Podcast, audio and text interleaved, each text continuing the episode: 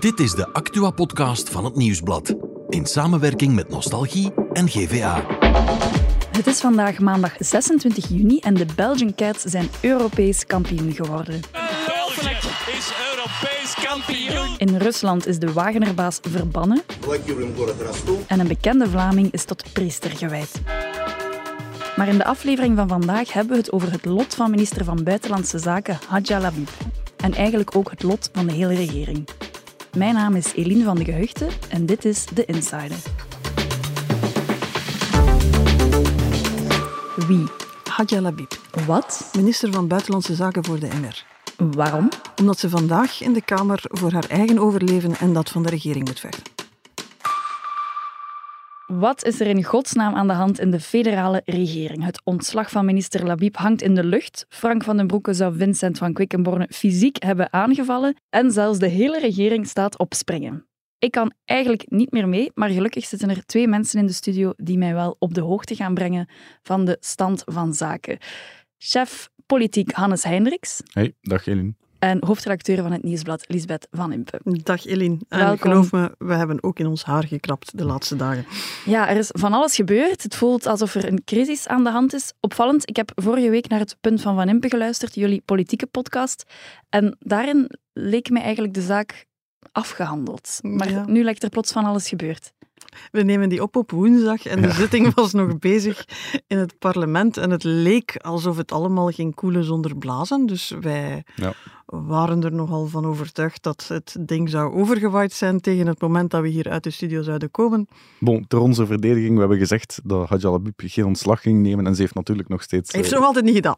nog steeds geen ontslag genomen. Maar het hangt wel in de lucht. Ja, maar Dus, het leek wel een afgeronde zaak en plots is alles ontploft.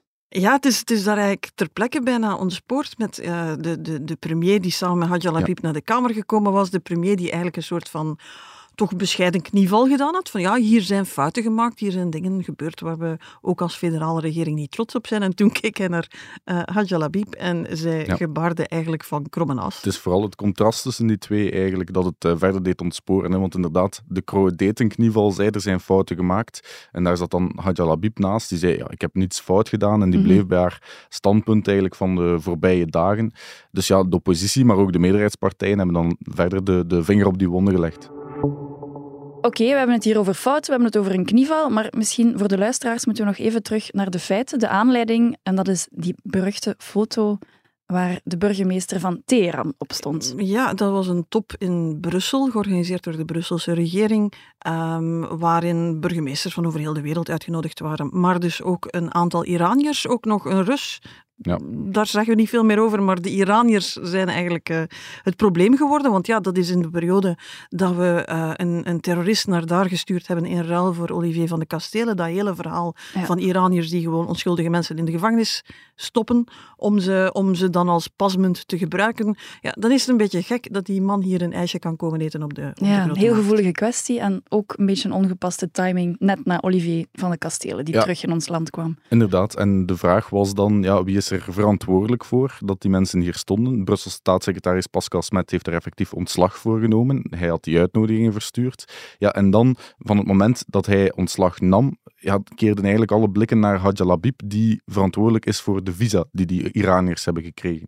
En heel opvallend in haar uitleg is eigenlijk dat die doorheen eh, de weken eigenlijk geëvolueerd is. Eerst eh, heeft ze die visa gewoon gegeven omdat Pascal Smet haar letterlijk, zei ze, onder druk gezet heeft om die te geven. En dan een week later was het eigenlijk een, een redelijk actieve beslissing van haar om eh, nieuwe gijzelaars vrij te, te krijgen eigenlijk in, in Iran. Ja, het verhaal Dus- is veranderd, hè, Ja, vooral. Ja, inderdaad. En dat is niet handig natuurlijk. Hè. Als je de ene keer in het parlement het ene komt vertellen en dan veranderen de omstandigheden en dan kom je iets anders vertellen. En je bent steeds grotere, verheven morele principes aan het, aan het inroepen. Maar ja, die speelden dan een week ervoor blijkbaar niet. En vergeet ook niet, Pascal Smet heeft wel on- eh, ontslag genomen. Dat is een socialist. Dat is een van de redenen waarom dat binnen de meerderheid, de PS en vooruit, maar zeker ook de PS, ehm, wel zoiets hebben van, ja maar ja, we gaan hier als familie niet als enige betalen. Hè. Ik Mhm. bedoel, ook de, de minister van Buitenlandse Zaken moet hier een duidelijk signaal geven. Moet ook En verantwoordelijkheid nemen voor. we zijn begonnen feiten. met de vraag van ze moeten een signaal geven. En intussen is de vraag of dat er eigenlijk nog een signaal is dat zou kunnen volstaan. Want dat hangt daar op dit moment een beetje. Maar wel om die reden moet zij vandaag naar de Kamer om daar misschien dat signaal dan te gaan geven. Ja, inderdaad. En wat wij horen is dat ze effectief wel haar excuses zou aanbieden. Uh, de vraag is dat PS en Ecolo vooral, het zijn vooral de Franstalige partijen die het heel, heel hard spelen, of dat die daarmee kunnen leven. Um, je krijgt wel heel sterk de indruk, zeker hoe langer uh, dit hele verhaal duurt, uh, dat er gewoon pure partijpolitieke strategieën achter zitten. Mm -hmm. uh, het zijn de PS en Ecolo, die MR en dan vooral Georges-Louis Boucher. Het wordt vaak zelfs met zoveel woorden gezegd ook, dat ze hem eigenlijk willen raken en een MR willen verzwakken. Um, dus ja, ze laten die minister uh, van Buitenlandse Zaken, Hadja Labib, zo'n beetje sudderen hè, op dit moment. Dus uh, het sleept al heel lang aan. Labiek wordt ook langs twee kanten klem gereden. Hè. Aan de ene kant heb je dus die, die, die meerderheidspartijen die haar zouden moeten steunen, die meer en meer bloed beginnen te eisen. Die zeggen van, we willen hier uh, een knieval en excuses en, en het kan maar beter allemaal kloppen en ook uh, voldoende sterk inhoudelijk zijn om ongeveer heel de wereld te overtuigen van haar kunnen. Dat is één. En aan de andere kant heb je Boucher, de MR-voorzitter, die zegt ze heeft niks verkeerd gedaan, ze moet zich niet excuseren, die daar ook eigenlijk niet alleen een ego-kwestie van Labib van gemaakt heeft, maar eigenlijk ook van zichzelf. Ja, een opvallende tweespalt wel, denk ik. Ja, en dat is ja, wat eigenlijk... Je moet, moet een regering te doen vallen, moet je het, het geweer laden en je moet het richten. En we zitten nu op het punt waar eigenlijk iedereen zichzelf in een situatie gemanoeuvreerd heeft waar je eigenlijk niet meer zomaar uit kan, waar, waar hoge woorden gevallen zijn en iedereen, iedereen elkaar klem gezet heeft. Hannes, Lisbeth, die foto dateert ondertussen van dik twee weken geleden, maar ik heb het gevoel, oké, die zaak Laviv is er, maar er is ook van alles gebeurd in de politiek. Ja, niet in het minste houtgreep tussen... Er is discussie over, Hannes. Houtgreep, houtgreep. Ik heb gelezen fysieke aanraking. Fysieke ja. aanraking, Iets tussen ja. een zalvende handoplegging als je de ene mag geloven en een soort Ja. van uh, wurggreep als je de ander mag geloven, maar het zal ertussen zitten en het zal toch wel een raar beeld geweest zijn. Ik denk Dat- het ook, ja. Vorige week woensdag werd er dus eh, binnen de regering overlegd over het lot van Hadja Labib onder meer. Voor de zoveelste keer. Ja, en eh, de vergadering was afgelopen volgens Vincent van Quickenborne. En die wou naar buiten gaan. Frank van den Broeke wou nog een debat voeren over de ereloonsupplementen. Een heel belangrijk dossier voor hem. En hij belette eh, van Quickenborne het buiten te gaan. Dus op welke manier dat dan ook was. Maar er is fysiek contact geweest tussen de beide vicepremiers. Er was ook afgesproken om dat... Er waren ook wel wat decibels en zo. Ja, En dat was blijkbaar ook niet de eerste keer, dus ja. Er was afgesproken tussen beide heren om dat uh, binnenkamers te houden, maar een, dag, uh, twee dagen Zoals later dat gaat, is dat ook bij ons lag het uh, op de straatstenen. En dat is eigenlijk het gevoel dat je dan overhoudt, hè, dat, dat eigenlijk op die, in die federale regering dat op dit moment een, een schietkraam is. Hè, en dat dus uh, dingen uitlekken, dat, daar, Ja. dat de, de premier daar ook de regie kwijt is. En we hebben zo'n beetje het gevoel dat hij de laatste dagen probeert die regie terug te krijgen. Belangrijk ook, de premier heeft wel zijn excuses aangeboden, of toch alleszins verantwoordelijkheid genomen. Die heeft dat al gedaan in de Kamer en hij had gehoopt dat Hadja Labib dat ook zou doen, die gebaarde van Kromenage. Dus dat was eigenlijk al een aanval op zijn, op zijn autoriteit. Uh, dan krijg je plots de heel dat verhaal van Frank Ja. van den Broeke, waar dan de premier komt zeggen van ja, dat is onaanvaardbaar. Terwijl dat je tegelijk voelt van ja, wat is hier aan de hand? Waarom wordt dit gelekt? Ook dat gaf een beetje het gevoel van dat er geroepen wordt van kijk daar een kameel en, en dat iedereen hoopt dat de focus verlegd is en, en dat er even over iets anders gaat. Intussen hebben die twee geknuffeld, begrijp ik, en, en is dat Alles opgelost. Opnieuw een fysieke aanraking. Dit weekend, ja, maar blijkbaar Een consensueel. positieve deze keer. ja. En dan dit weekend was er plots, uh, ja, ik had jou aan de telefoon. Ja, zei van, plots kwam er het nieuws dat er een deal Ja. met Engie was. En Dus plots we- was er een Nationale Veiligheidsraad. Ja. We kregen eh, inderdaad het signaal van, eh, ja, er is een doorbraak in de onderhandelingen met Engie.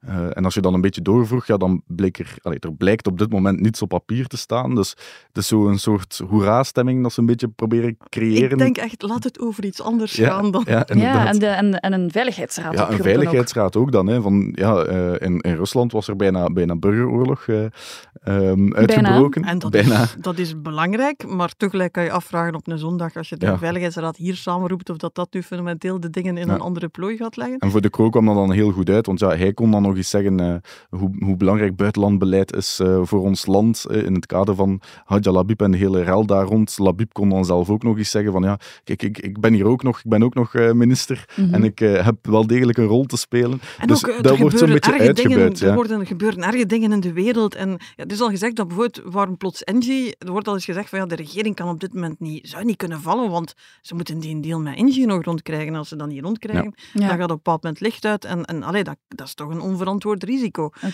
dus dan krijgen ze van, ja, toch, het is alsof dat er wordt herinnerd aan, er zijn nog belangrijker dingen dan al die Ja. akkefietjes tussen die partijen. Daar heeft de premier trouwens 100% gelijk in. Er zijn belangrijker dingen. Alleen moet hij dringend zijn regering wat meer onder controle krijgen om terug aan die belangrijke dingen toe te komen.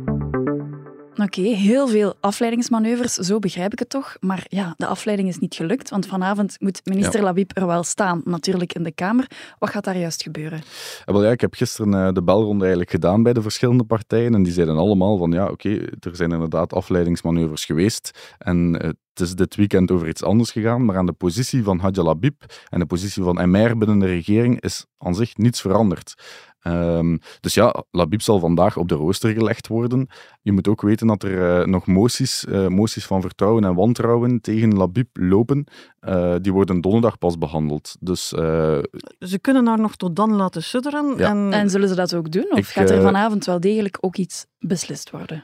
Ik denk niet dat er vanavond iets beslist gaat worden. Eh, Als ik zo hoor bij de PS, zij zeggen al van ja, excuses volstaan eigenlijk niet voor ons. Dus eender welke uitleg zij daar komt geven, het zal niet voldoende zijn. Ja, dat is natuurlijk een tactiek om, om de MR en Boucher, Labib eh, extra onder druk te zetten. En inderdaad, ze kunnen haar in principe laten sudderen tot donderdag. Mm. Het ding is natuurlijk ook, eh, als je kijkt hoe kan dit nu een, een, een, echt een uitslaande regeringscrisis eh, worden, geen enkele partij wil degene zijn die met de stekker in de handen staat. Hè. Dus dat, dat is bij iedere crisis zo. Eigenlijk proberen ze elkaar naar de uitgang te duwen. En eigenlijk de MR zo lang mogelijk blijven pesten in de hoop dat die partij zenuwachtig wordt, dat Boucher zich moet gaan verantwoorden bij zijn eigen mensen, eh, dat daar, dat daar een, ja, dat die niet meer weten wat gedaan de grootste blamage zou zijn als de meerderheid tegen Labib zou stemmen donderdag. Dat is nog nooit gebeurd. We hebben daarvoor een grondwetspecialist moeten bellen om te zeggen van ja, dat mechanisme bestaat, maar is dat ooit al gebruikt? Nee, maar het kan wel. We hebben dat nog nooit meegemaakt. Maar het wordt dan voor de MR wel bijzonder moeilijk om te blijven zitten en terug over te gaan naar de orde van de dag. Dus dan krijg je een soort van speculatie dat die er dan zouden uittrekken. Uh, dan zegt de PS geen paniek. Dan halen we de Christen-Democraten, Les Engagés er weer bij. Dan kunnen we gewoon doorgaan. Nu, ik zeg het, we zitten hier in, in, in, in onbetreden gebied. Hè. Ik bedoel, Hoe niemand schatten weet jullie hoe die dat kansen in dat dat gebeurt? ik durf er vandaag geen geld op inzetten dat we tegen het einde van de week nog een regering hebben, eerlijk gezegd. Omdat je moet het conflict eigenlijk ehm, bekijken vanuit een Franstalige bril. Ik heb de indruk dat is, dat is eh, de fout die, die velen maken van ja, de Vlaamse partijen eh, willen de regering niet laten vallen. Ja, maar er is nee, meer dan dat natuurlijk. Inderdaad, je moet denken, de Franstalige partijen, wat hebben zij erbij te winnen? En we weten dat de PS niet bang is van vervroegde verkiezingen. Die en we zitten weten- goed in de peilingen, dus Ja. die denken, we kunnen, het is misschien het het moment is een om te moment. En we weten dat de MR van, van Georges-Louis Boucher misschien wel eh heil zit in een oppositiekuur. Eh, dus dat is het spel waarin dat, dat we zitten. Die partijen die helemaal niet meer met elkaar overweg kunnen en ook in interviews elkaar echt gewoon met de grond gelijk maken. Ja. Dat eh, daarmee ook eh, premier De Croo karambolgewijs onderuit gehaald wordt, daar liggen, liggen die Franstalige partijen duidelijk ook niet van wakker. En dat die Vlaamse partijen waarmee ze in een coalitie zitten zo slecht aan het peilen zijn dat voor hen verkiezingen nu echt een nachtmerrie zouden zijn. Ja, dat weegt niet mee. Je, je kan je niet voorstellen dat Open VLD of CD&V hier nu zou, zou springen en zeggen van oké, laat die regering dan maar ontploffen. Maar aan Franstalige kant zit je daar met grote partijen, eh, waarvan een aantal het goed doen in de peilingen en die denken van god, nu naar de kiezer gaan, dat is het einde van de wereld niet. Het overheersende gevoel dat ik hierbij heb is: this situation escalated very quickly. Het wordt nog spannend, heb ik het gevoel. Hè? Het wordt nog spannend en, en onvoorspelbaar en onuitgegeven. En ja, ik, ik, ik durf echt geen geld inzetten op waar we op het einde van de week gaan zitten. Misschien Valt de regering? Ik hoop alleszins van niet, want anders... eh, al onze vakantieplannen. hè? ja, inderdaad, vallen die in het water. Dus eh, dat is op dit moment hetgeen waar ik het meest mee inzet. Je ziet de, de politieke redactie die uit het belang van de natie en de vakantie staat bovenop. Oké, goed. Bedankt voor jullie expertise, Lisbeth en Hannes. En, Graag gedaan. eh, ik Heel hoop gedaan. dat jullie vakantie kan doorgaan. Dankjewel.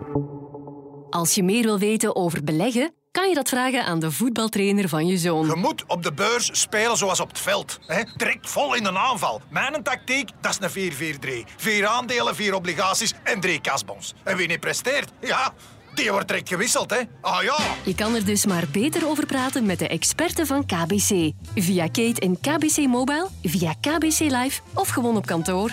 Jouw leven, jouw plannen, jouw belegging. KBC. Beweegt met je mee. Nog over naar het andere nieuws. Daarvoor is Bert, de producer, erbij komen zitten. Dag Bert. Dag Eline. Gisteravond is er geschiedenis geschreven. Ja, de Belgian Cats zijn Europees kampioen. Heb je het gezien? Ik heb het niet gezien, ik heb er wel over gelezen en het leek heel spannend te zijn. Ja, ja, ja, ik heb de laatste tien minuten gezien en dat was eigenlijk goed, want dat waren de beste uh, voor de Belgian Cats. Ze hebben heel de wedstrijd uh, op achterstand gestaan, heel de tijd moeten achtervolgen. Maar dan, ja, op het einde kwamen ze ernaast, erover en uiteindelijk hebben ze die finale gewonnen. Zelfs dat niet meer. Monunga, Monunga heeft de bal. En België is Europees kampioen. 64, 58. Iedereen komt op het terrein. Ja. We zijn dat brons beu. We gaan voor goud. Proficiat, Belgian Cats. Ongelooflijk verdiend. Het is fantastisch. Ja, Europees kampioen voor het eerst in de geschiedenis. Uh, Oké. Ja, dat is wel fantastisch. En echt wel een- Historische prestatie. Ja, in een grote sport zoals basketbal, wat toch in elk land echt wel intensief beoefend wordt, is dat heel straf. Ja. We moeten ook nog even terugkomen op het verhaal van het weekend. Die waanzinnige 24 uur in Rusland Ja. met de opstand van Wagner, de- het, het huurlingenleger. Ja. Wat is daar juist de situatie?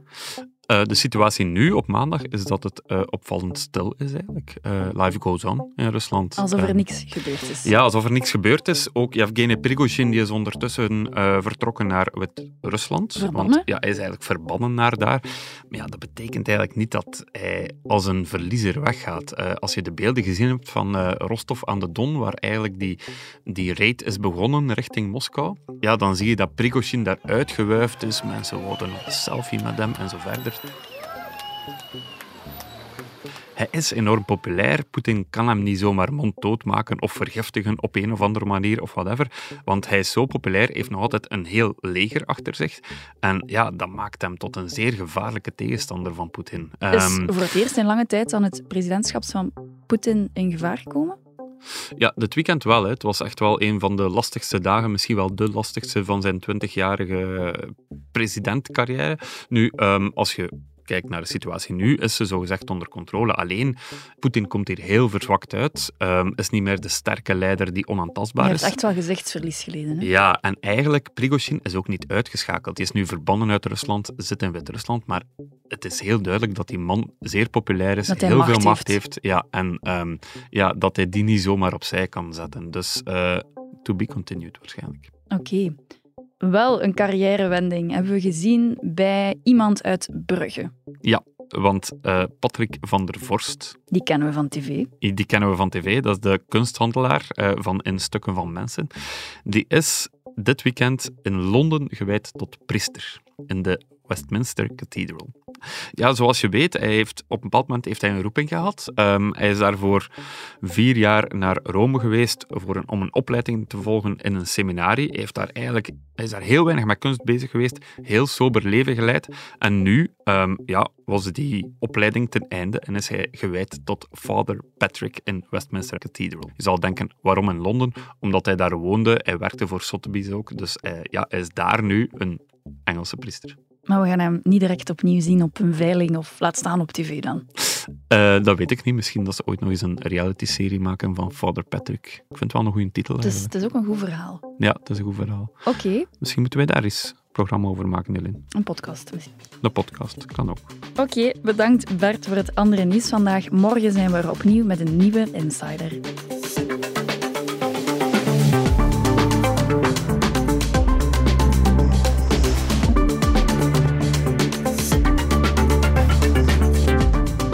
Dit was The Insider, een podcast van het Nieuwsblad in samenwerking met Nostalgie en GVA. De muziek is van Pieter Santens. De montage gebeurde door House of Media. Wil je reageren? Mail naar podcast.nieuwsblad.be.